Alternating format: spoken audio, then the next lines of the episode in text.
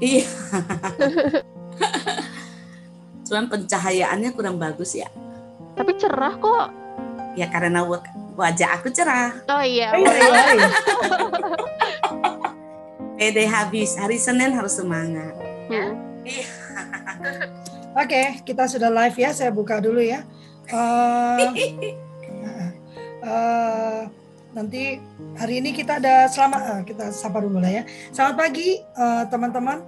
Selamat bertemu kembali dalam Kultur Parenting Pagi edisi hari Senin 29 Maret tahun 2021. Edisi ini ini lumayan istimewa karena meski kita dalam eh, dalam eh, kesusahan ya, kita dalam kesusahan, kita dalam pencobaan karena Teh Yanti sedang apa? sedang mengurus suaminya yang sakit saat ini, tapi the show must go on gitu ya. The show must go on.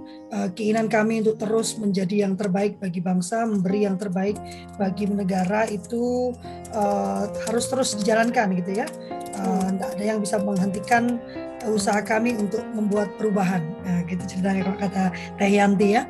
Uh, maka Teh Yanti pagi ini dijadwalkan untuk berbicara karena saya sangat tertarik dengan pengalaman beliau. Kalau saya sendiri uh, sejak saya hamil dan saya melahirkan anak-anak saya, anak saya bahkan jadi kedua, saya memutuskan untuk tidak bekerja uh, secara apa, uh, apa konvensional. Saya tetap bekerja menghasilkan uang, tapi saya memutuskan tidak bekerja secara konvensional. Jadi saya tidak punya kompetensi maupun pengalaman untuk berbicara tentang bagaimana uh, menjalin uh, komunikasi yang hangat, bagaimana tetap hangat dengan anak-anak meskipun sibuk karena uh, dulu anak-anak benar-benar 24 jam bersama saya ya. Tapi dua sahabat saya ini punya pengalaman yang luar biasa terkait hal tersebut. Teh Yanti misalnya dengan kesibukannya yang super sibuk, namun dia tetap bisa menjaga hubungan dengan ketiga anaknya uh, tetap hangat gitu kan dan anak-anaknya baik-baik gitu kan kan karena uh, apa ya uh, mitosnya kalau ibunya sibuk gitu kan itu anak akan kacau balau katanya begitu ya. Tapi saya melihat sendiri bagaimana tiga anak beliau gitu kan bagaimana penuh kasihnya mereka. Paling tidak uh, tidak ada kebencian uh, antara dua uh, anak beranak inilah gitu ya. Karena biasa kalau ibunya sibuk kan ada luka ada ada marah ada segala macam. Itu tidak saya lihat. Jadi jadi tadinya pagi ini saya ingin menggali tentang itu ya. Apa yang apa yang Tayanti lakukan. Saya tahu tapi saya tidak bisa berbicara dong. Itu kan uh, pelakunya yang bisa berbicara. Tapi karena Tayanti pagi ini puji Tuhan ya boleh mengunjungi suaminya karena dia diisolasi karena habis uh, apa? suntik yang kedua ya, suntik yang kedua, vaksin yang kedua. Tapi hari pagi ini boleh jadi uh, kita pengganti Nah, untung dua sahabat saya yang sibuk gitu kan pada waktu anak-anak masih kecil. Ada Cik Meli. Nah, saya kalau Cik Meli dulu sekali saya pernah membaca bagaimana Cik Meli itu berkomunikasi dengan anak-anaknya itu terutama lewat uh, apa namanya itu Cik post it ya zaman dulu Memo ya. kecil. Ya, Cik Meli itu sering uh, kalau nggak salah dulu selalu cerita ada di kotak pensilnya anak ya kan ada di mana itu ada kata-kata yang diungkapkan gitu kan sehingga nah saya pikir ini adalah praktik baik yang bisa dilakukan keluarga yang mengaku yang mengakunya nggak punya waktu gitu kan. Uh, saya senang sekali dengan pernyataan Cik Meli ini bukan masalah bisa tidak bisa. Dalam hidup itu bukan masalah bisa tidak bisa. Dalam hidup itu selalu yang ditanyakan mau Oh. atau tidak. Udah itu saja yang ditanyakan dalam hidup sebetulnya. Ya saya nggak akan berpanjang-panjang. Cik Meli silakan pagi ini karena kita mendadak ya kita bentuknya ngobrol ya. Tapi Lovely akan membagikan link dulu. Nah, Silakan. ini Kak Yantinya sudah ada. Oh, ya apa apa Mendingan berarti dua Kak orang Yan. saja. Ya, bergantian saja. Dua-dua punya pengalaman yang sama. Berarti Lovely yang jadi moderator baginya sambil aku ini. Uh. Jadi uh, kakek-kakek ini para mama-mama bertiga ini memang ini tahan banting ya. Jadi mau dibelokkan ke mana aja, the show must go on gitu ya. Kami siap untuk semua peran. Gitu. eh, bagaimana? Oke. Sudah selesai nyuapinnya? Kamu nyuapin kan mestinya? Masih di Di mute. mute, di mute teh. Di unmute dulu. Alhamdulillah sudah sudah nyuapin barusan. Oh, itu boromis ya, zaman aku raka pening. kecil. Agak pening. Belum makan. Istirahat Eh, aja dulu, duduk aja ini duduk. duduk ini cahayanya ini kayak kurang apa ya temaraman gitu malah jadi bikin pening. Boromeus kan memang gedung tua ya. Ini gedung tua apa yang gedung Ini baru? gedung baru, gedung baru. Oh, Boromeus itu dulu Ini gedung Raka hampir lama iya, sayap sayap gedung lama. Iya, iya. Oh, iya gedung lama kan. Boromeus itu dulu Uh-uh. Raka hampir tiap bulan ya, tiap dua minggu dah ke sana dah Kejang melulu ya. nyumbang nyumbang duit terus ke Nyumbang duit. ya, kita padukan saja ya antara Teteh dengan Cik Meli karena dodonya punya eh, pengalaman yang sama ya. Teh, eh, aku kasih kau waktu 10 menit ya menceritakan bagaimana terutama waktu anak-anak di usia fragile ya. Kalau sekarang kan udah gede-gede, sekarang mah istilahnya mem- memetik ya, memetik usaha Ah. dari masa kecil. Waktu dulu itu ya, eh, kamu anak-anak masih kecil, apa yang kamu lakukan? Eh, terutama dulu tuh nggak ada nggak ada WhatsApp, nggak ada video call, nggak ada ini ya. Kalau sekarang mah sebetulnya aneh kalau orang tua mengatakan nggak bisa ya. Tapi kalau zaman dulu kan belum ada itu teh adanya handphone gitu. Gimana? Iya, iya. Eh, saya sapa dulu ya. Assalamualaikum warahmatullahi wabarakatuh. Waalaikumsalam. Sejahtera, salam kebajikan, Om Swastiastu, Namo Buddhaya, Namo Salam. Buddhaya. Rahayu, Rahayu, Rahayu. Hari ini kita prihatin ya dengan apa yang terjadi di Makassar kepada teman-teman, sahabat-sahabat kita, saudara-saudara kita yang Kristiani. Masih ada kita, kita yang mengutuk keras aksi terorisme ya, kita yang eh, tidak tidak eh, apa ya, pokoknya benar-benar menolak keras tentang itu siap untuk tetap menjaga saudara-saudara kita agar bisa merayakan Jumat Agung nanti ya dan seterusnya. Karena kita sebenarnya benih-benih budaya inklusif itu sudah ada dalam keseharian kita. Sayang ada beberapa oknum yang mengaku jadi guru mengajarkan hal yang salah, yang jahat. Mudah-mudahan apa ya hukum bisa ditegakkan sehingga semua bisa kembali nyaman dan aman ya. Oke, eh, saya ingat dulu karena periodenya tuh kan berbeda ya. Ketika Fitri lahir, saya masih kuliah dan eh, masuk ke lab yang tidak aman buat anak-anak. Eh, keyakinan saya dari apa yang saya pelajari tujuh tahun pertama itu menjadi eh, apa raja. Dan hanya ibunya sebenarnya yang bisa menjadikan dia raja. Sehingga eh, saya membawa anak saya dalam tanda kutip jadi anak saya dibawa adik saya dibawa ke asrama putri dan saya setiap kali eh, apa pergantian waktu kuliah atau praktikum eh, menemui untuk ini dan Fitri ini 100% ASI. Jadi kalau diberi susu apa pun dia akan akan apa sih muntah dan pokoknya intoleransinya tinggi gitu ya. Dan eh, Fitri malah yang paling ingat bagaimana eh, saya katanya wak- waktu kecil eh, apa makan makanan bergizi dan eh, sehat. Fitri suka mie, jadi saya bikin mie macam-macam warna-warni. Eh, Fitri suka makan eh, apa ya daging.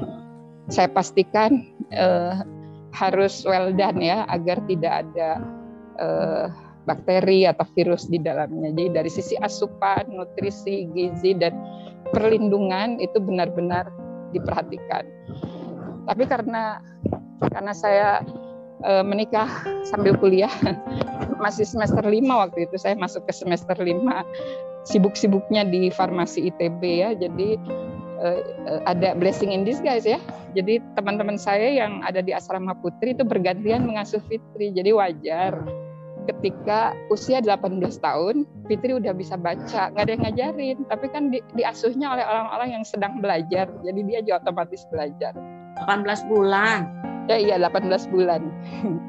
Eh, Lalu usia 2 tahun saya dikagetkan karena ada empat psikolog dari UI dan eh, Unpad yang yang datang eh, menunjukkan Fitri juara teka-teki silang tapi itu untuk SMP dianya usia 2 tahun gitu di majalah Bobo waktu itu jadi bingung ini salah menuliskan eh, kelahiran atau gimana gitu. Tapi sejak saat itu sejak saat itu di, dipantau betul nggak usah nggak usah ditanya ya kalau IQ-nya nanti kaget gitu ya.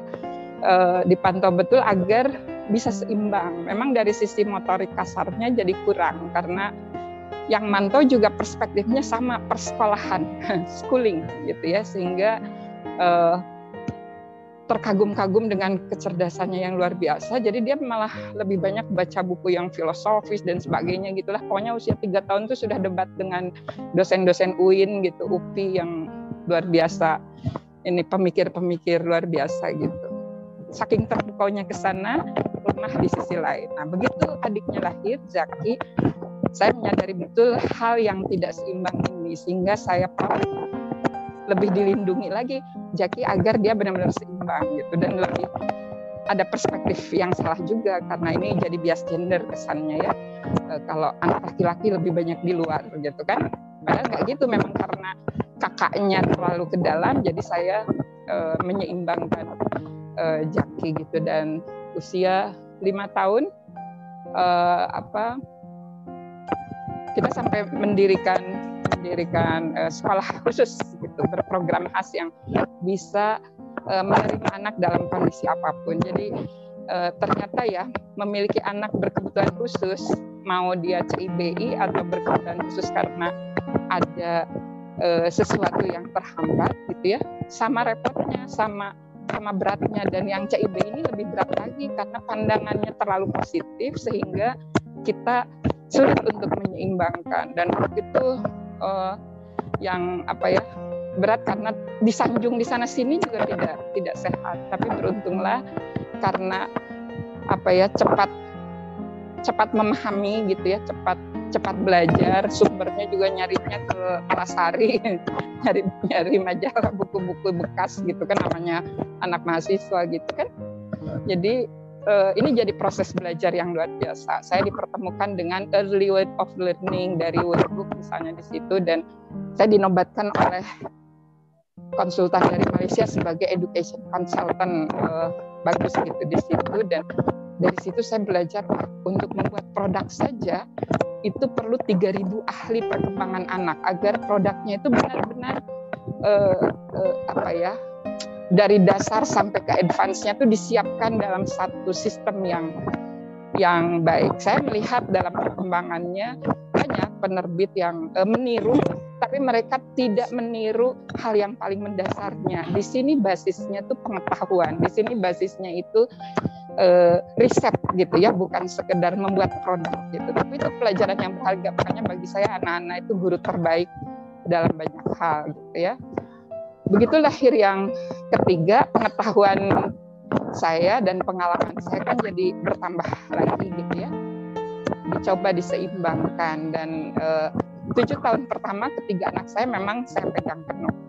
Saya pegang penuh dalam arti saya tetap berkegiatan. Saat itu kami membuat forum diskusi Bandung terus membuat dialog komunitas pendidikan di Indonesia gitu ya.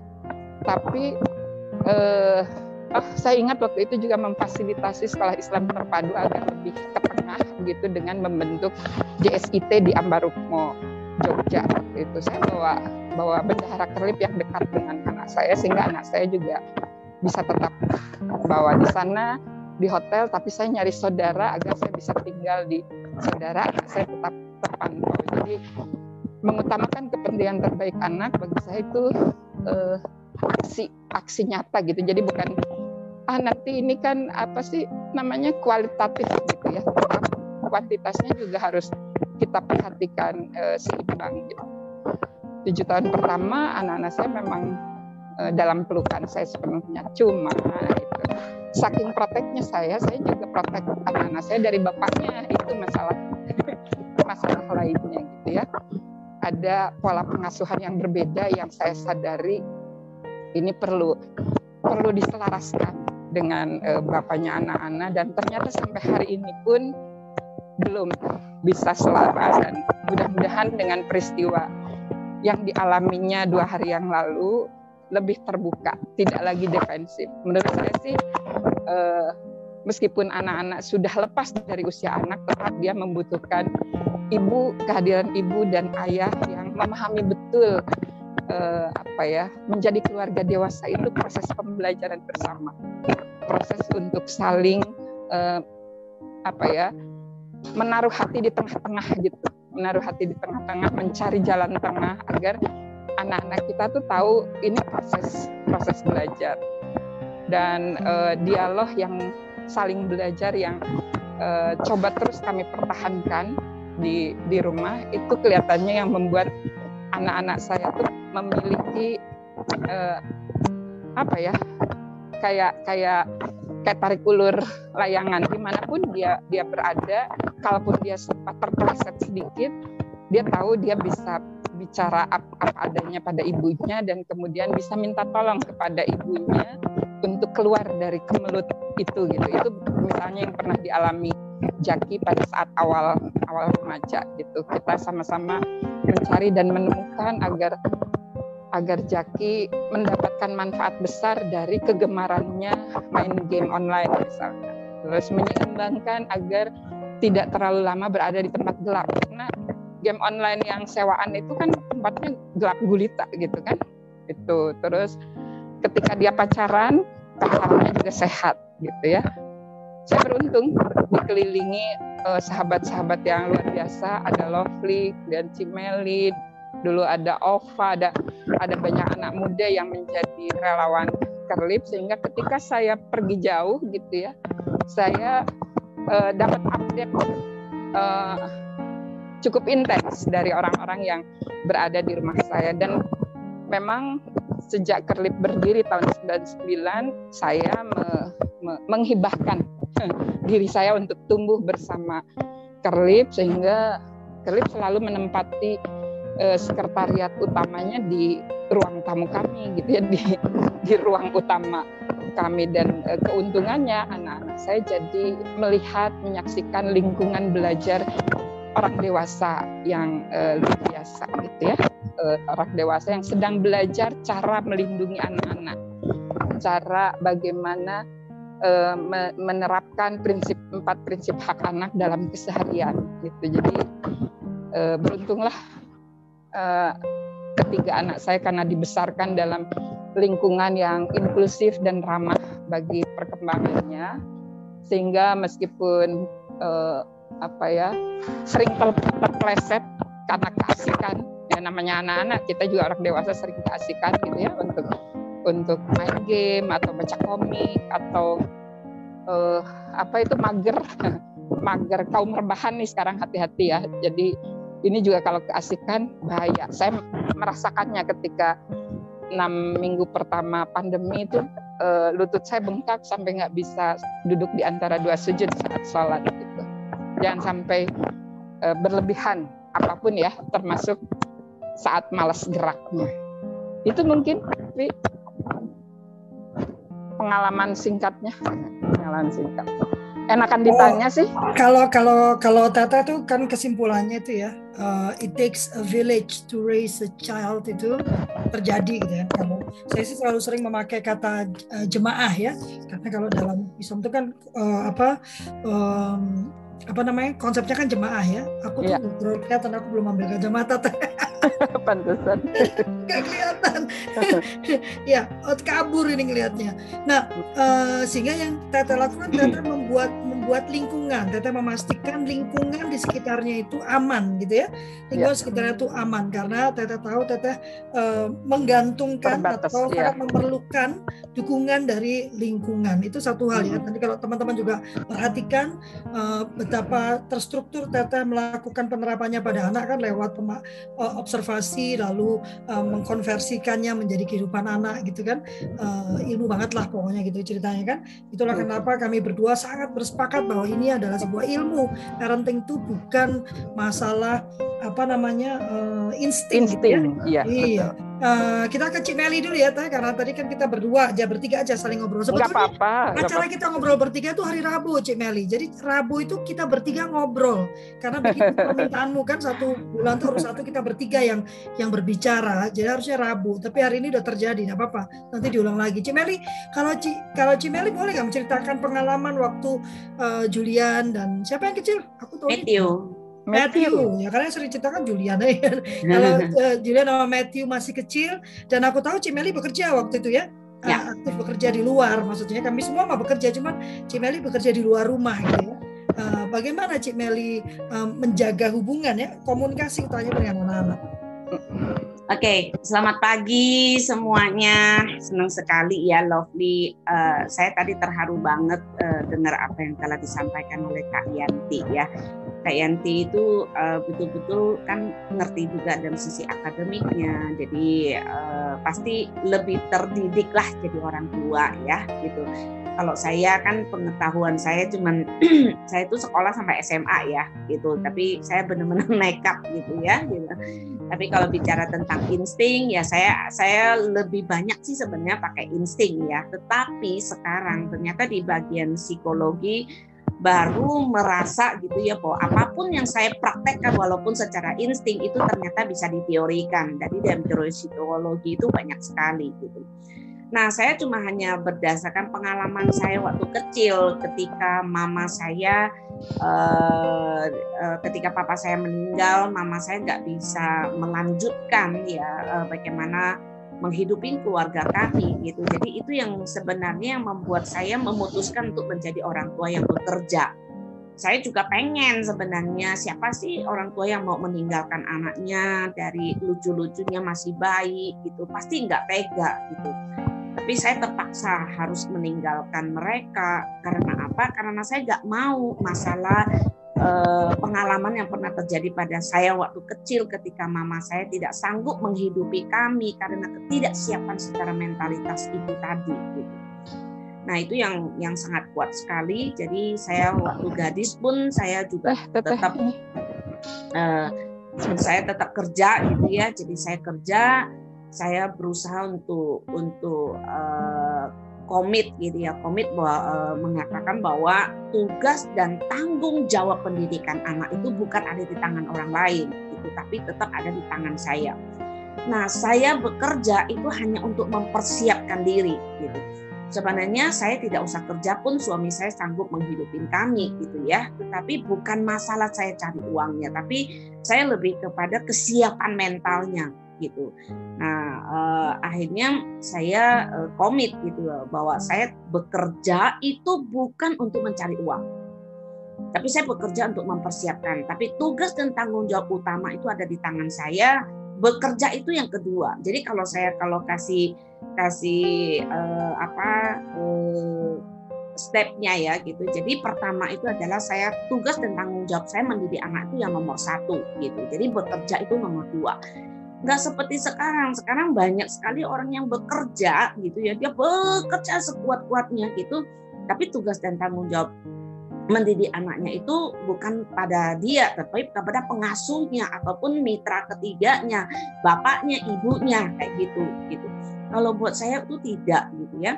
Nah, akhirnya komitmen itu dibilang susah ya kalau saya mau itu tadi lagi-lagi saya pikir itu mau gitu ya. Jadi bukan berapa banyaknya waktu saya bersama anak, tapi waktu yang sedikit itu tapi saya bikin itu menjadi berkualitas. Nah, saya uh, dari kecil nih, dari kecil dari anak saya kecil itu saya sudah mulai walau dia bayi di dalam perut aja saya sudah mulai ajak dia komunikasi gitu ya Nah, saya termasuk orang yang cukup disiplin soal waktu. Saya cukup disiplin gitu. Kalau makan, saya kalau makan jam 12 tuh harus makan jam 12 gitu. Nah, waktu anak saya di dalam kandungan, kalau jam 12 saya kalau belum makan, dia tonjok-tonjok uh, perut saya tuh gitu kan. Nah, di situ saya say sorry, maaf ya nak, mama masih nyetir, mama sebentar lagi mama nanti akan sampai di tempat tujuan, mama akan makan, mama minta maaf, mama masih di tol. Jadi saya saya ngomong sama anak saya gitu, ternyata dia berhenti, jadi nggak nonjok-nonjok saya gitu. Nah terus ketika dia lahir, walaupun dia bayi haho-haho gitu ya, dia nggak ngerti. Tapi saya cerita, oh hari ini mama itu seneng banget deh, mama dapat order. Jadi dia bisa tahu ekspresi saya lagi senang itu seperti apa. Kalau saya lagi sedih itu seperti apa. Itu dari kecil tuh saya saya ajak mereka tuh berkomunikasi. Sampai suatu hari saya ketemu dengan bos saya, anak saya belum pernah ketemu sama bos saya. Ada acara pesta gitu ya. Jadi anak saya sudah tahu, dia langsung tanya sama saya, Mama, itu yang namanya Pak Jeffrey ya gitu. Jadi anak itu tahu gitu. Jadi artinya apa? Artinya komunikasi itu bukan bicara tentang uh, waktu ataupun umur. Dari bayi aja sudah bisa diajak untuk berkomunikasi. Nah, terus saya pahami bahwa banyak banget orang yang bilang kesulitan gitu ya, kesulitan. Tapi saya membuat eh, apa stimulasi-stimulasi gitu. Caranya salah satunya saya bikin yang namanya mocil ini Bapak dan Ibu. Ini memo kecil ya dari buku bekas gitu ya. Nah, setiap hari uh, saya kalau misalnya mendapatkan sesuatu tantangan, saya tidak suka bilang itu sebagai masalah, tapi kalau tantangan, kenapa?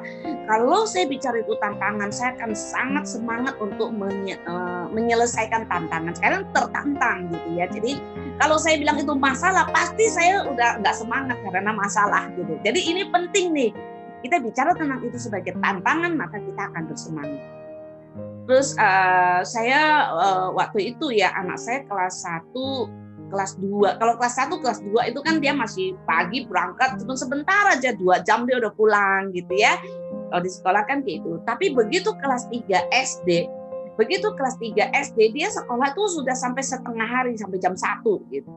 Nah, dari situ saya walaupun saya harus bekerja tapi saya bangun lebih pagi. Saya siapin makan ya. Saya siapin makan saya masakin gitu ya. Uh, saya bangun lebih pagi lagi. Saya masak kasih anak bawa. Nah kebayang nggak bapak dan ibu? Waktu saya siapin begitu bagus saya siapin dia makan makanan yang bergizi gitu ya. Ternyata pulangnya saya lihat dia gak makan dia nggak makan sama sekali gitu. Alasannya apa? Mama aku nggak sempat makan karena mau main sama teman-teman gitu kan.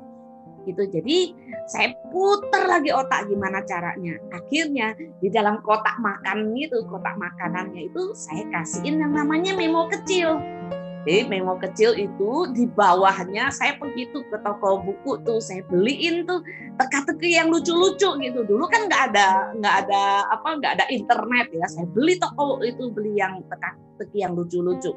Saya udah tulisin ya misalnya kayak di dalamnya mama sayang dedek gitu. Saya tulisin ya mama sayang dedek, mama bangga sama dedek. Saya cuma tiap hari tulisin kayak gitu. Tapi di bawahnya ada teka-teki lucu-lucu gitu. Tulisin apa itu perang dingin? Gitu kan. Perang dingin adalah perang antar penjual es gitu. Jadi anak saya itu senang sekali gitu. Dia ketawa ketawa kan. Kalau dia makan ada teka-tekinya dia ketawa kan. Begitu dia ketawa temannya penasaran kenapa sih ini mama saya lucu sekali? Akhirnya tiap hari itu teman-teman yang ngumpul di meja makan anak saya tuh. Jadi dia makan makan dengan bangga jadi dia makan dengan senang gitu ya gitu. Akhirnya sampai satu waktu teman saya punya anak kan satu kelas sama Meti tuh dia bilang Meli katanya anak saya tuh suruh saya bikin surat cinta buat dia gitu. Apa? Surat apa? Itu si Matthew tiap hari ada surat cinta dari mamanya katanya gitu. Padahal teman saya tuh 24 jam ada di rumah tuh kan Nah dari situ saya lihat bahwa oh anak-anak tuh senang gitu ya bahwa kita memberikan dia apresiasi. Lewat itu saya bisa dengar cerita-cerita tentang keceriaan dia sepanjang hari di sekolah gitu. Nah karena itu bagus gitu ya. Jadi setiap hari kalau makan saya taruh di di, di kotak pensilnya. Nah pulang dia tempel-tempelin gitu ya. Nah terus eh, sampai setiap hari saya taruhin di kotak pensilnya sampai mereka uh, Julian waktu itu sudah SMP gitu ya tetap saya kasih ya gitu. Nah akhirnya apa sih yang saya dapat ya anak saya tuh merasa bahwa walaupun mama saya tidak selalu bersama saya gitu tapi lewat memo kecil itu uh, mama saya selalu ada buat saya gitu. Jadi itu yang yang dirasakan oleh anak-anak ya. Sampai satu waktu dia diinterview nih oleh RCTI di, interview oleh RCTI dan waktu itu anak saya si Julian tuh ngomong dengan sangat tegas sekali. Uh, uh, apa walaupun mama saya tidak sepanjang hari bisa bersama saya tapi mama saya selalu ada buat saya. Ada teman-teman saya yang walaupun mamanya ada di rumah tapi mereka tidak melakukan apa-apa buat anaknya gitu. Aduh saya waktu itu rasanya apa ya bangga gitu ya. Nah setelah 10 tahun gitu ya saya saya tidak tahu saya tidak bicara tentang golden age ataupun apa gitu ya tapi uh, setelah 10 tahun saya coba nih coba kedua anak saya yang 10 tahun saya tanya dia menurut kamu mama kamu seperti apa sih? Gitu. Anak saya yang si Julian tulis begini uh, menurut saya mama itu baik dan selalu memberikan apa yang terbaik buat saya dan tidak ada orang yang bisa menggantikan kasih mama. Terus yang kedua si Matthew bilang, mama kok baik, yang lain kok nggak bisa seperti mama gitu. Nah jadi di sini yang membuat saya merasa bahwa eh, sekali lagi bukan berapa banyaknya waktu kita bersama anak, tapi bikin waktu yang sedikit itu menjadi bermanfaat. Nah, sampai akhirnya saya menulis buku ini kenapa? Harapan saya adalah supaya orang tua yang bekerja itu tidak lagi mengatakan tidak punya waktu bersama dengan anak gitu. Jadi anak itu bukan butuh sepanjang hari kita bersama mereka tapi tidak melakukan apa-apa. Nah, ini satu yang membuat saya akhirnya berani menulis buku itu kenapa? Ketika anak kami pergi eh, anak saya pergi les, les Mandarin ya. Nah, les Mandarin kebayangnya satu hari, satu malam saya pernah didatangin oleh guru Mandarin. Guru Mandarin tuh asli dari Taiwan, nggak bisa ngomong bahasa Indonesia. Nah, jam setengah sepuluh datang ke rumah saya. Coba ibu-ibu, bapak-bapak, kalau jam eh, malam-malam guru datang ke rumah kita, apa yang kita pikirkan? Pasti kita khawatir ya. Ada apa nih dengan anak saya? Ada apa nih dengan anak saya gitu? Akhirnya guru itu cerita, Bu katanya mohon maaf ya, saya minta nomor telepon, eh saya minta alamat itu dari anaknya ibu dan saya hari ini saya datang, saya ingin belajar sama ibu. Eh kenapa? Saya tanyain gitu kan. Terus dia bilang, e, Bu katanya saya punya anak murid ya yang les sama saya itu ratusan, ratusan gitu. Jadi setiap kali kalau pulang pulang dari tempat les itu guru itu selalu kasihin hadiah gitu ya ke anak-anak itu dia taruh di mangkok, di mangkok itu ditaruhin permen gitu. Jadi anak udah selesai pulang keluar ambil permen, keluar ambil permen gitu ya. Nah waktu giliran anak saya, giliran anak saya eh, ambil permen, anak saya yang lain tuh ngambil satu satu genggam, satu genggam, satu genggam gitu anak saya cuma ambil satu biji. Terus gurunya bilang gini China le China le dia bilang gitu kan. Anak saya bilang tidak lause. Saya makan dulu ini.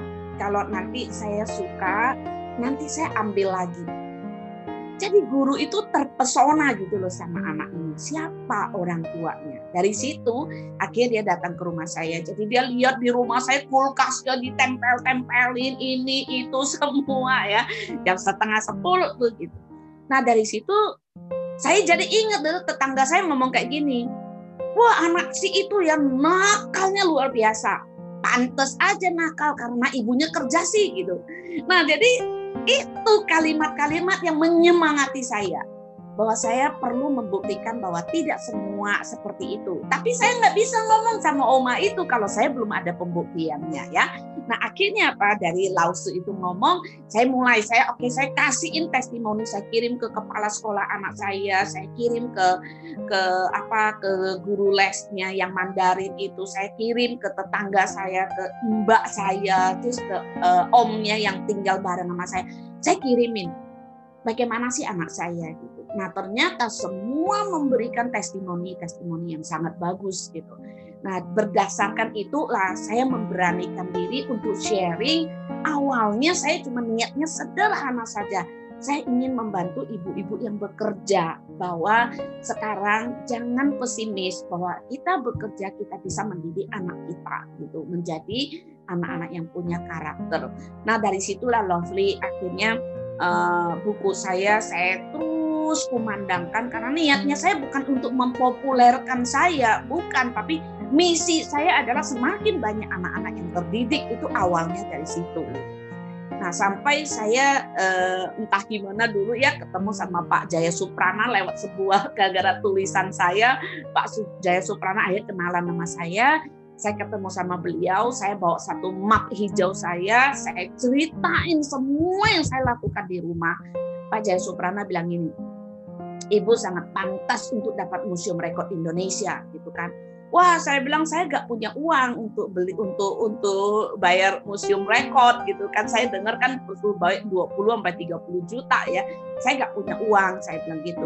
Terus Pak Jaya Suprana bilang siapa yang perlu uang saya kirim gratis kasih ke ibu hanya tidak ada publikasi aja gitu jadi akhirnya buku saya dapat penghargaan Museum Rekor Indonesia dan buku saya juga menjadi uh, apa jadi uh, apa ada jadi koleksi ya koleksi di US Library gitu.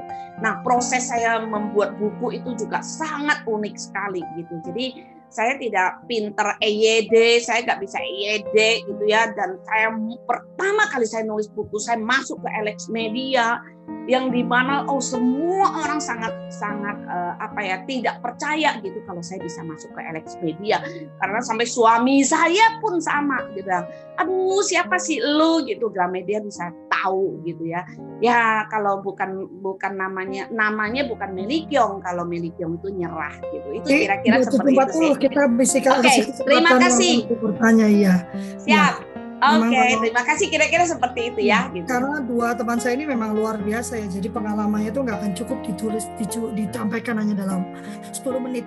Uh, saya buka ruang pertanyaan ini sebenarnya pertanyaan buat Tete kayaknya. Dulu saya mengalami pertanyaan ini juga. Cuman kalau saat sekarang mungkin Tete lebih punya apa kompetensi untuk menjawab ya. Tete ada yang tanya, kalau anak 4 tahun, kalau anak saya dulu nanyanya, uh, di mana sih ada Allah itu? Uh, Bu Sri Pengawani ini menanyakan teh kalau ada apa tahu nanya kenapa Allah menciptakan macan yang memangsa makhluk lain dan mengapa Allah mematikan Mbah Akung karena saat itu ayah beliau meninggal. Uh, bagaimana cara menjawabnya teh? ya, uh, ini pertanyaan yang paling paling sulit yang uh, pernah saya dapatkan ya karena uh, apa ya sepanjang uh, perjalanan saya karena karena dengan anak itu kan tumbuh bersama sehingga uh, pertanyaannya juga jadi terstruktur gitu. Saya saya biasa jadinya dengan serba terstruktur, sistematis gitu karena memang anak-anak saya menunjukkan uh, hal ini. Nah, termasuk tentang pertanyaan-pertanyaan uh, tentang kemahabesaran yang maha kuasa seperti yang tadi ditanyakan. Um, saya sih saya sih ini ya uh, karena apa ya saya lebih lebih ini uh, kenali dirimu jadi kamu akan mengenali Tuhanmu. Jadi saya uh, biasanya dengan anak-anak tuh mulai dari ujung kepala sampai ujung kaki gitu ya. Coba uh, itu itu rambut dipupuknya di mana ya? Mulai hal-hal yang sederhana itu. Jadi uh, kekiniannya itu tuh kini dan di sini gitu. Saat ini yang anak-anak indrai itu apa yang terlihat, terasa, teraba, terdengar. Jadi uh, alih-alih kita menjawab salah, lebih baik kita alihkan gitu ya, kita kita tunjukkan dalam diri diri kita, anak dan kita tuh ada hal-hal yang uh, apa perlu perlu penelitian lebih lebih lanjut untuk tahu itu ya. Uh, yang paling paling menarik itu sebenarnya ketika ada saudara saya yang di akupuntur. Jadi anak saya nanya itu lubang apa gitu kan ya. anak saya nanya kan dia taunya pori-pori aja gitu ya. Kok bisa ditusuk begitu tapi tidak sakit? Soalnya kena kena apa sih itu kena duri sedikit aja kita sakit gitu sampai bisa bengkak gitu gitu itu gimana gitu nah Eh, pertanyaan-pertanyaan seperti ini muncul sebenarnya dari rasa ingin tahu yang besar kan dari anak. Yang bisa kita lakukan ini yang kita kembangkan ya Fia kita cari tahu bersama-sama gitu. Kita cari tahu ke sumber-sumber yang lebih lebih uh, valid sesulit apa pun uh, pertanyaannya jangan hentikan dengan jawaban singkat. Ya. Mama nggak tahu misalnya.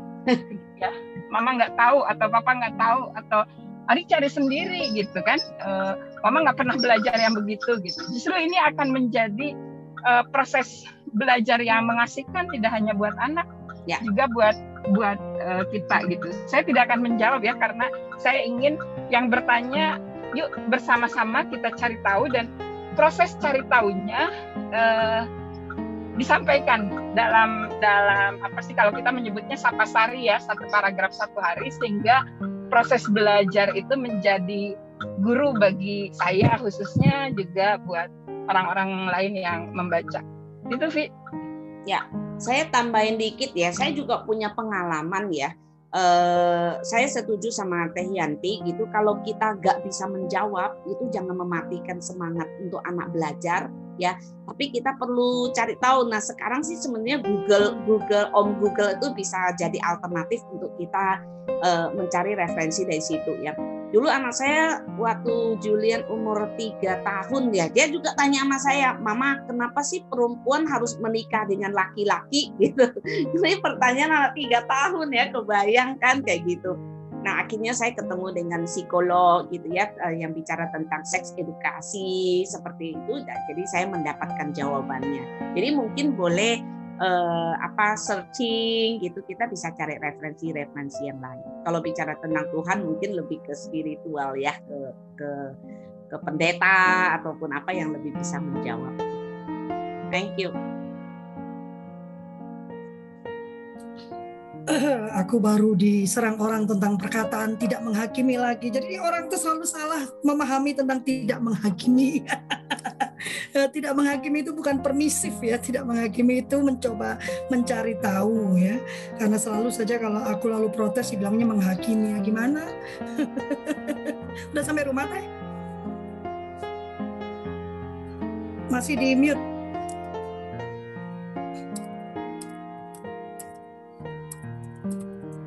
Masih di mute. Ya, ya. Uh, beberapa hal yang yang yang menarik menurut saya ya dan beberapa hal yang ini sih bukan perang antara ibu yang bekerja tidak bekerja karena selalu dikotominya kan begitu kan ibu rumah tangga mama karir gitu kan lalu di di di, di apa ya dihantamkan gitu ya ini yang uh, selalu dibilang apa anakku itu internalize message ini Uh, dan ini yang menurut saya tidak penting gitu. Apakah anda memutuskan untuk berkarir itu tidak menjadikan anda perempuan yang lebih buruk dari perempuan yang memutuskan untuk ada di rumah gitu kan? Karena uh, dua-duanya itu punya punya konsekuensi logis atas apa yang mereka pilih gitu kan. Siapa bilang ibu rumah tangga gak pusing-pusing lah dia. Orang dia harus ngatur uang yang memang adanya segitu, tidak ada, tidak apa, tidak ada. Nggak ada apa, nggak ada kuasa untuk nambah. Kalau kita yang kerja kan, oh kurang ya udah aku cari duit lagi lah untuk nambahin gitu kan. Kalau mereka adanya begitu kan. Cuman permasalahannya saya selalu saya senang dengan pernyataan Cimeli gitu kan. Uh, maunya pertanyaan itu mau atau tidak mau bukan bisa atau tidak bisa Cimeli juga mengatakan saya punya kok teman yang uh, dengan dua pembantu anak cuma satu dan anak-anak itu akhirnya diurus pembantu-pembantu semua gitu ibunya mah sibuk aja sendiri dengan dirinya gitu kan uh, makanya Drakor. Hah? Drakor. Dulu belum ada drakor, Ci. Masih uh, sibuk dengan dandan-dandan lah. Sehingga saya saya pun waktu itu punya pemahaman yang salah tentang dandan. Saya pikir ah mendingan saya buruk tapi punya waktu untuk semua gitu kan daripada saya sibuk dengan tubuh saya sendiri gitu. Jadi itu salah juga gitu kan. Karena hidup kita mesti seimbang. Uh, kalau tentang anak memang uh, pertanyaan dia itu kan tidak bisa kita jawab dengan jawaban yang ini ya, ya. Jawaban yeah. yang konseptual ya.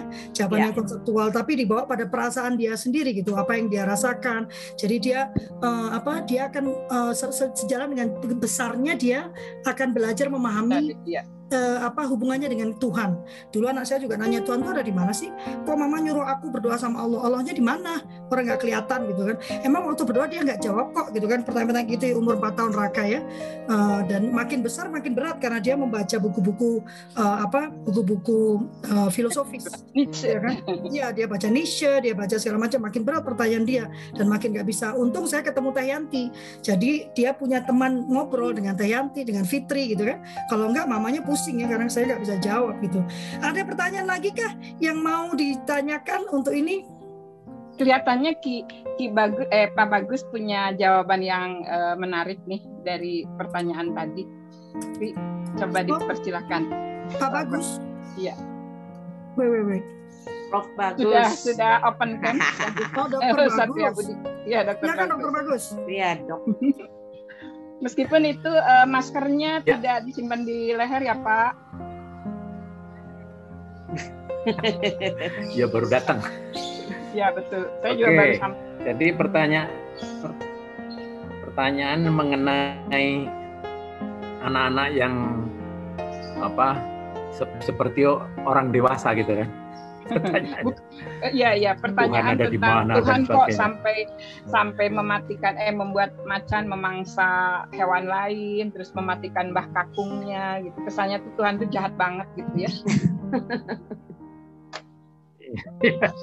jadi jadi memang anak-anak seperti itu adalah ibarat kertas yang putih ya kan yang mau di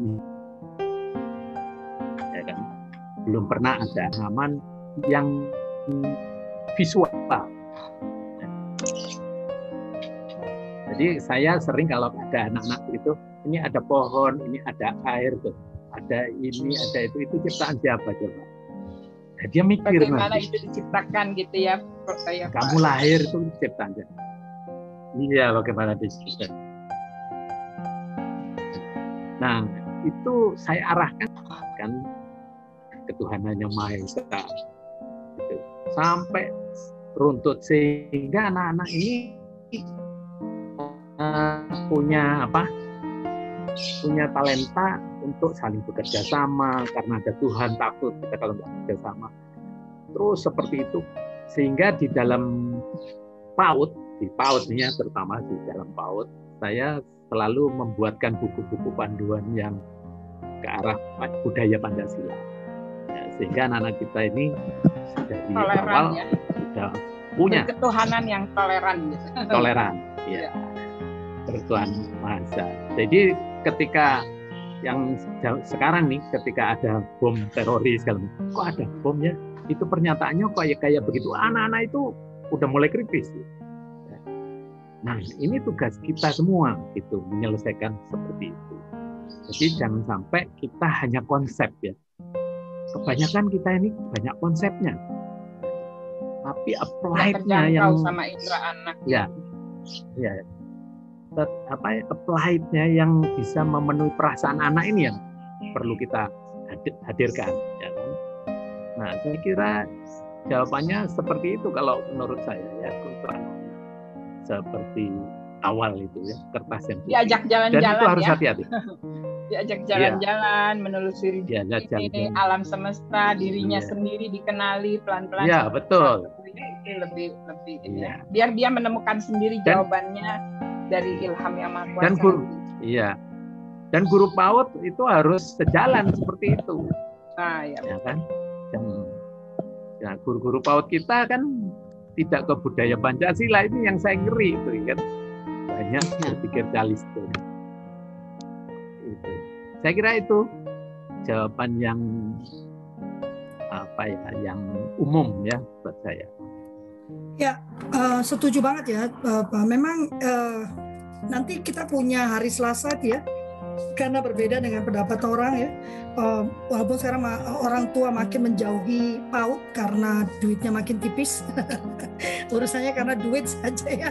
Eh, jadi kalau ditimbang-timbang di skala prioritas mana yang bisa dibuang, eh, PAUD yang paling dibuang. Padahal eh, pada PAUD itu eh, sangat penting, terutama membentuk pola berpikir. Tayanti punya anak-anak seperti ini karena pola berpikirnya sudah dibentuk dari kecil. Cik Meli sama gitu kan. Kalau tadi kita kata mendengarkan Cik Meli eh, ngobrol dengan anaknya di perut lalu menceritakan, eh, memberikan alasan gitu. Sebetulnya Cik Meli sedang membangun pola berpikir ya tanpa tanpa disadari gitu kan. Bahkan bikin apa? Bikin ya bikin apa? eh, eh, eh, notepad gitu kan post post-it ya. Dengan cita-cita Cik Meli berusaha membuat eh, anak itu berpikir dengan cara yang menyenangkan iya.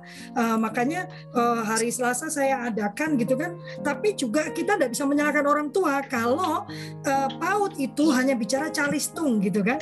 Eh, itu tidak menarik untuk orang tua gitu kan. Apalagi eh, ada larangan dari dari PAUD untuk tidak boleh eh, calistung gitu kan tidak boleh calistung. Jadi ini perang gitu kan antara. Tapi menurut saya kita PAUD sendiri seperti sekolah. Ya, guru gitu kan yang selalu mengatakan kita akan kalah nih dengan era globalisasi lalu menentang globalisasi, menentang digitalisasi gitu kan. Tapi yang harusnya kita lakukan sebagai manusia kita tuh punya kelebihan untuk beradaptasi, untuk berubah gitu kan. Sama dengan Cik Meli eh, selalu beradaptasi dengan kondisi anaknya. Itu yang aku perhatikan ya. Oh, anakku ingin muter kata dia kan eh, dengar saya muter otak saya bagaimana saya melakukan sebagai orang tua tuh sebetulnya otaknya muter terus kalau menurut saya anak ini mengalami pengembangan apa? Apa yang dilakukan? Dan akan lebih mudah saya kira masa itu Cimelia kalau ternyata waktu itu sudah ada yang ngobrol dengan Cimeli gitu tentang tubuh kembang anak gitu Cimeli benar gak Ci ya? Ya. Eh, puji Tuhan ya Cik Meli uh, alur berpikirnya tepat gitu kan. Cuman kan nggak semua perempuan seperti Cik Meli gitu ya yang kita nggak bisa mengandalkan alur berpikir kita pasti tepat kok gitu. Kebanyakan salah gitu kan Cik Meli ya. Itu sebabnya kita menganggap kita ini masuk ke masa darurat parenting gitu. Itu sebabnya uh, Cik Meli mengajak saya menantang sebetulnya ya. Dan saya mati-matian ini mempertahankan tantangan Cik Meli itu. Uh, apa kultur parenting ini harus ada setiap Senin, Rabu, Jumat. Itu kan tantangan Cik Meli ya. Nah, dalam kondisi apa pun saya coba adakan karena itu tadi bicara tentang perubahan itu tidak bisa sekali dua kali. Saya lihat Tayanti aja sudah berapa puluh tahun dia dengan klipnya itu kan. Dan saya rasa out of out of people itu dia yang paling bisa ngomong ini lagi ini lagi yang dia omongin kayaknya 15 tahun yang lalu aku udah ngomongin ini gitu kan eh ini lagi yang mesti diperdebatkan perlu kata yeah. Yanti saya aja di di non formal gitu kan ketemu yeah. teman-teman ya elah saya sudah berapa belas tahun meninggalkan non formal masih tagih kok ngomonginnya ini lagi gitu kan eh, sudah jam 8 hampir jam 8 boleh Teh Yanti dan Cimeli yeah. memberikan eh, pesan-pesan yeah. gitu. Saya dulu atau Cimeli dulu? Silakan. Ya, silakan. Oke. Okay. Ya, uh, sebagai ibu, sebagai ayah, orang tua, bagaimanapun apa ya, uh, kita perlu untuk kembali mengingat betapa bahagianya kita ketika uh, anugerah itu lahir, begitu. Ya, ketika uh, amanah yang diberikan oleh Yang Maha Kuasa dalam tubuh perempuan dan kemudian lahir ke dunia, tangisan pertama yang dinantikan, bayangkan. Ini tangisan pertama yang dinantikan karena kalau tidak menangis ada tanda-tanda bahaya di situ ya. Sayangnya ketika kemudian anak suka menangis, selalu hehe kamu nangis melulu diam ini padahal itu dinantikan ingat ingat ingat itu gitu. Paling tidak anugerah terindah itu diingat ketika kita bahkan tangisannya pun bahkan uh, yang keluar dari tubuhnya gitu mau kotoran atau mau gumuh atau apa tuh menunjukkan bahwa anak kita tuh hidup gitu. Anak kita tuh uh, sosok yang perlu perlindungan kita perlu kita sayangi kita buai dan kita kita apa ya kita timang-timang timang-timang anakku sayang gitu kan jadi siapa pun kita bahkan saya pun hari ini setelah uh, apa uh, mama sama abah sudah wafat tetap masih merindukan orang tua. Jadi ayo berbahagialah kita yang diberi amanah menjadi orang tua cara kita menunjukkan kebahagiaan kita itu raih mereka sepenuh hati seperti halnya ketika kita mendengarkan tangisan pertama mereka. Betapa bahagianya kita, betapa bersyukurnya semua rasa sakit, semua penantian yang uh, hampir 10 bulan gitu ya atau kadang 11 bulan karena anak saya yang ketiga 11 bulan lahirnya ya itu tiba-tiba sirna yang ada itu masa depan terbentang begitu indahnya gitu dan uh, bagaimana ini bisa kita pertahankan itu tadi ya karena uh, kita satu-satunya makhluk yang diciptakan oleh Allah dalam bentuk sebaik-baiknya fi ahsani takwim tapi tidak memiliki keterampilan apa pun kecuali panca indera untuk belajar. Jadi gunakan panca indera ini, syukuri dengan belajar. Kemampuan manusia yang membedakan dari makhluk lainnya itu kemampuan untuk belajar. Jangan berhenti belajar karena kita akan jadi manusia. Oke, okay, terima kasih. Terima kasih Teh Cin. Okay. Kamu mau tepat waktu soalnya karena ya. aku juga jadi terburu-buru. Ya, terima kasih banyak. Uh, saya senang sekali ya hari ini kita saling sharing bersama buat semua orang tua uh, yang telah hadir di sini, yang kita setuju bahwa jadi orang tua memang harus belajar dan terus belajar. Jangan menghabiskan waktu untuk mengharapkan perubahan dari anak-anak karena anak-anak sudah tidak butuh nasihat-nasihat kita, tetapi anak-anak butuh panutan. Jadi mari kita belajar menjadi orang tua yang pantas untuk jadi panutan bagi anak-anak. Kalau orang tua berubah, saya sangat yakin sekali maka kita akan dapat generasi emas Indonesia yang penuh dengan uh, apa karakter-karakter yang baik kalau kita mulai dari diri kita sendiri. Sekali lagi terima kasih banyak atas waktunya untuk mendengar ocehan kami bertiga. Kami bertiga tentunya tidak akan bisa menjadi apa-apa. Kami bertiga punya semangat, tidak akan bisa merubah apa-apa kalau tidak ada uluran tangan dan kita bersatu kita bersama bersatu berkolaborasi. Saya yakin sekali kalau semua anak-anak terdidik di dalam keluarga yang baik, Indonesia ini akan menjadi yang terdamai di dunia. Jadi kita tidak perlu menyaklakan apa yang ada di luar, tapi mari kita siap sibuk terus memperbaiki dari dalam. Sekali lagi terima kasih dan selamat pagi.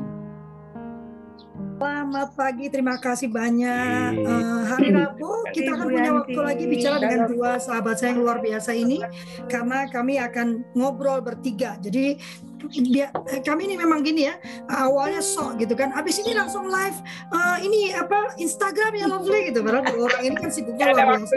iya nggak ada waktu memang saya tahu gitu kan. Uh, tadinya jam 7 aduh pagi banget. Padahal ternyata benar kan karena jam 8 udah pada heboh semua ini dua orang ini kan ya uh, kesimpulannya adalah dalam kita mendidik uh, kita memerlukan orang lain. Ya tapi juga sebagai sisi orang lain kita harus tahu bahwa mendidik anak itu bukan hanya tanggung jawab orang tuanya. Mendidik anak itu adalah tanggung jawab kita bersama, ya kan? Melindungi anak, perlindungan pada anak dalam segala aspeknya itu adalah tanggung jawab semua orang dewasa, bukan hanya yang sudah menikah. Tapi begitu Anda lepas dari 18 tahun, maka Anda disebut sebagai orang dewasa, Anda menempel kewajiban dalam diri Anda untuk melakukan perlindungan terhadap anak. Sehingga kalau ada orang orang tua yang kurang baik dalam perlakuannya dengan anak, Anda harus terpanggil untuk melakukan perlindungan, bisa dengan intervensi langsung kalau itu teman dekat, atau bisa minta bantuan pihak ketiga. Yang penting itu tidak menutup mata, tidak mengatakan bahwa oh ini bukan urusan saya. Saya bicara ini terkait dengan kita akan melakukan pelatihan relawan untuk lembaga perlindungan anak nanti ya tanggal 3 ya, eh, karena membangkitkan rasa itu memang luar biasa sulit gitu, eh, ya kan? Orang-orang seperti Tayanti, seperti saya yang ibu tunggal, kalau saya tidak punya lingkungan yang mendukung saya dalam mendidik anak saya, maka sangat berat gitu kan. Anak-anak saya laki-laki, saya perlu sosok laki-laki untuk dia gitu kan. Uh, Cik Meli juga sama saya rasa ya. Kalau Cik Meli tidak punya lingkungan yang yang memahami bahwa Cik Meli adalah ibu gitu kan, uh, yang juga perlu berada bersama anak-anaknya gitu kan. Nah maka agak sulit itu terjadi. Yang berikutnya adalah bahwa sebagai orang tua itu kita berpikir, kita tidak hanya saya nggak sepakat Cik Meli bilang saya sih insting aja. Nah tadi Cik Meli berkata berkali-kali sekali berkata saya putar otak gitu kan. Jadi itu tidak pakai insting, dia memutar otak, memakai semua pengalamannya, apa yang sudah pernah beliau baca dalam interaksinya dengan orang lain, bagaimana itu membuat anak menjadi berlaku berperilaku seperti yang diharapkan. Jadi makin memperkuat keyakinan saya bahwa parenting itu bukan bicara insting. Parenting itu bicara tentang keilmuan. Kita mesti mencari tahu, berpikir, menganalisa dan menerapkan. Ya, kita bertemu lagi. Maaf ya, Dokter Bagus, saya nggak banyak memberikan kesempatan. Kita nanti Selasa, Dokter Bagus akan berbicara uh, tentang motorik kasar anak umur 2 sampai 3 tahun, ya. Dokter Bagus ya. Jadi uh, di Selasa itu memang saya maunya di breakdown kecil-kecil hal yang mendasar. Karena Pak uh, Guru PAUD lebih penting itu ya. Mau bicara teknik, mau bicara metode percuma kalau yang dasar tidak dipahami itu menurut saya ya. Ya, sampai ketemu lagi hari Rabu. Hari Rabu kita bertiga ya. Jangan lupa ya, Ci Meli, Tayanti. Hari Rabu kita bertiga ya. Saya tidak mengundang siapa pun, kita bertiga yang akan berbicara. Nanti tema akan kita diskusikan di, di luar. Uh, tetap uh, semangat Tayanti. Salam buat uh, Mas Heri ya. Uh, cepat sembuh, cepat Terima kasih ya. Sadar kan beliau ya? Makan kan berarti sadar kan? Foto dulu, foto dulu. Ah, iya, foto dulu. Itu yang suka lupa ya. Foto. Terima kasih banyak. Ini banyak loh. Yanti sama Bu Jenny. 24, 30 Terima kasih banyak untuk semua yang hadir. Luar biasa. Pak Ferry, Pak, Pak Adi nih. Ayo dong. Bu Hajah, Bu Nurbaya, eh Bu Pak Dibio selalu setia. Bu, Bu Misna nanti oh, saya juga mau undang ya buat IG live ya. Ya, Pak Irwan. Aduh, sehat selalu. Bu alhamdulillah. Saya foto dulu ya. Uh, si bapaknya sudah ada di mobil. Nanti dia ngamuk kalau nggak segera. di belakang Pak Irwan ada otak besar. iya, nanti. Uh, ya, uh, saya uh, foto dulu. Tutup aja Satu, dulu. Oh, iya. But, uh, suster, boleh dong. Suster Agneta nih, saya belum pernah lihat wajahnya loh. Penting saya gitu. mau lebih dekat. Satu, dua, tiga. Oke, terima kasih banyak. Sampai bertemu kembali. Ini aku taruh di mana ya? Mana kakek Dibio? Udah ngilang Saya ya? minum minum air kelapa hijau. Wih, itu Pak Dibio ada. Oke, saya Susah tutup ya. Terima kasih banyak sampai bertemu hari hari Selasa dulu ya. Hari Selasa jam 7 malam. Selasa malam. Hari Rabu jam 7 pagi. Wih, 7 ya, 7 angka keramat. Salam sehat. Eh tujuh angka dewa. Ya makanya. Oh, Salam tuh sehat, kan. tetap bahagia. Tuhan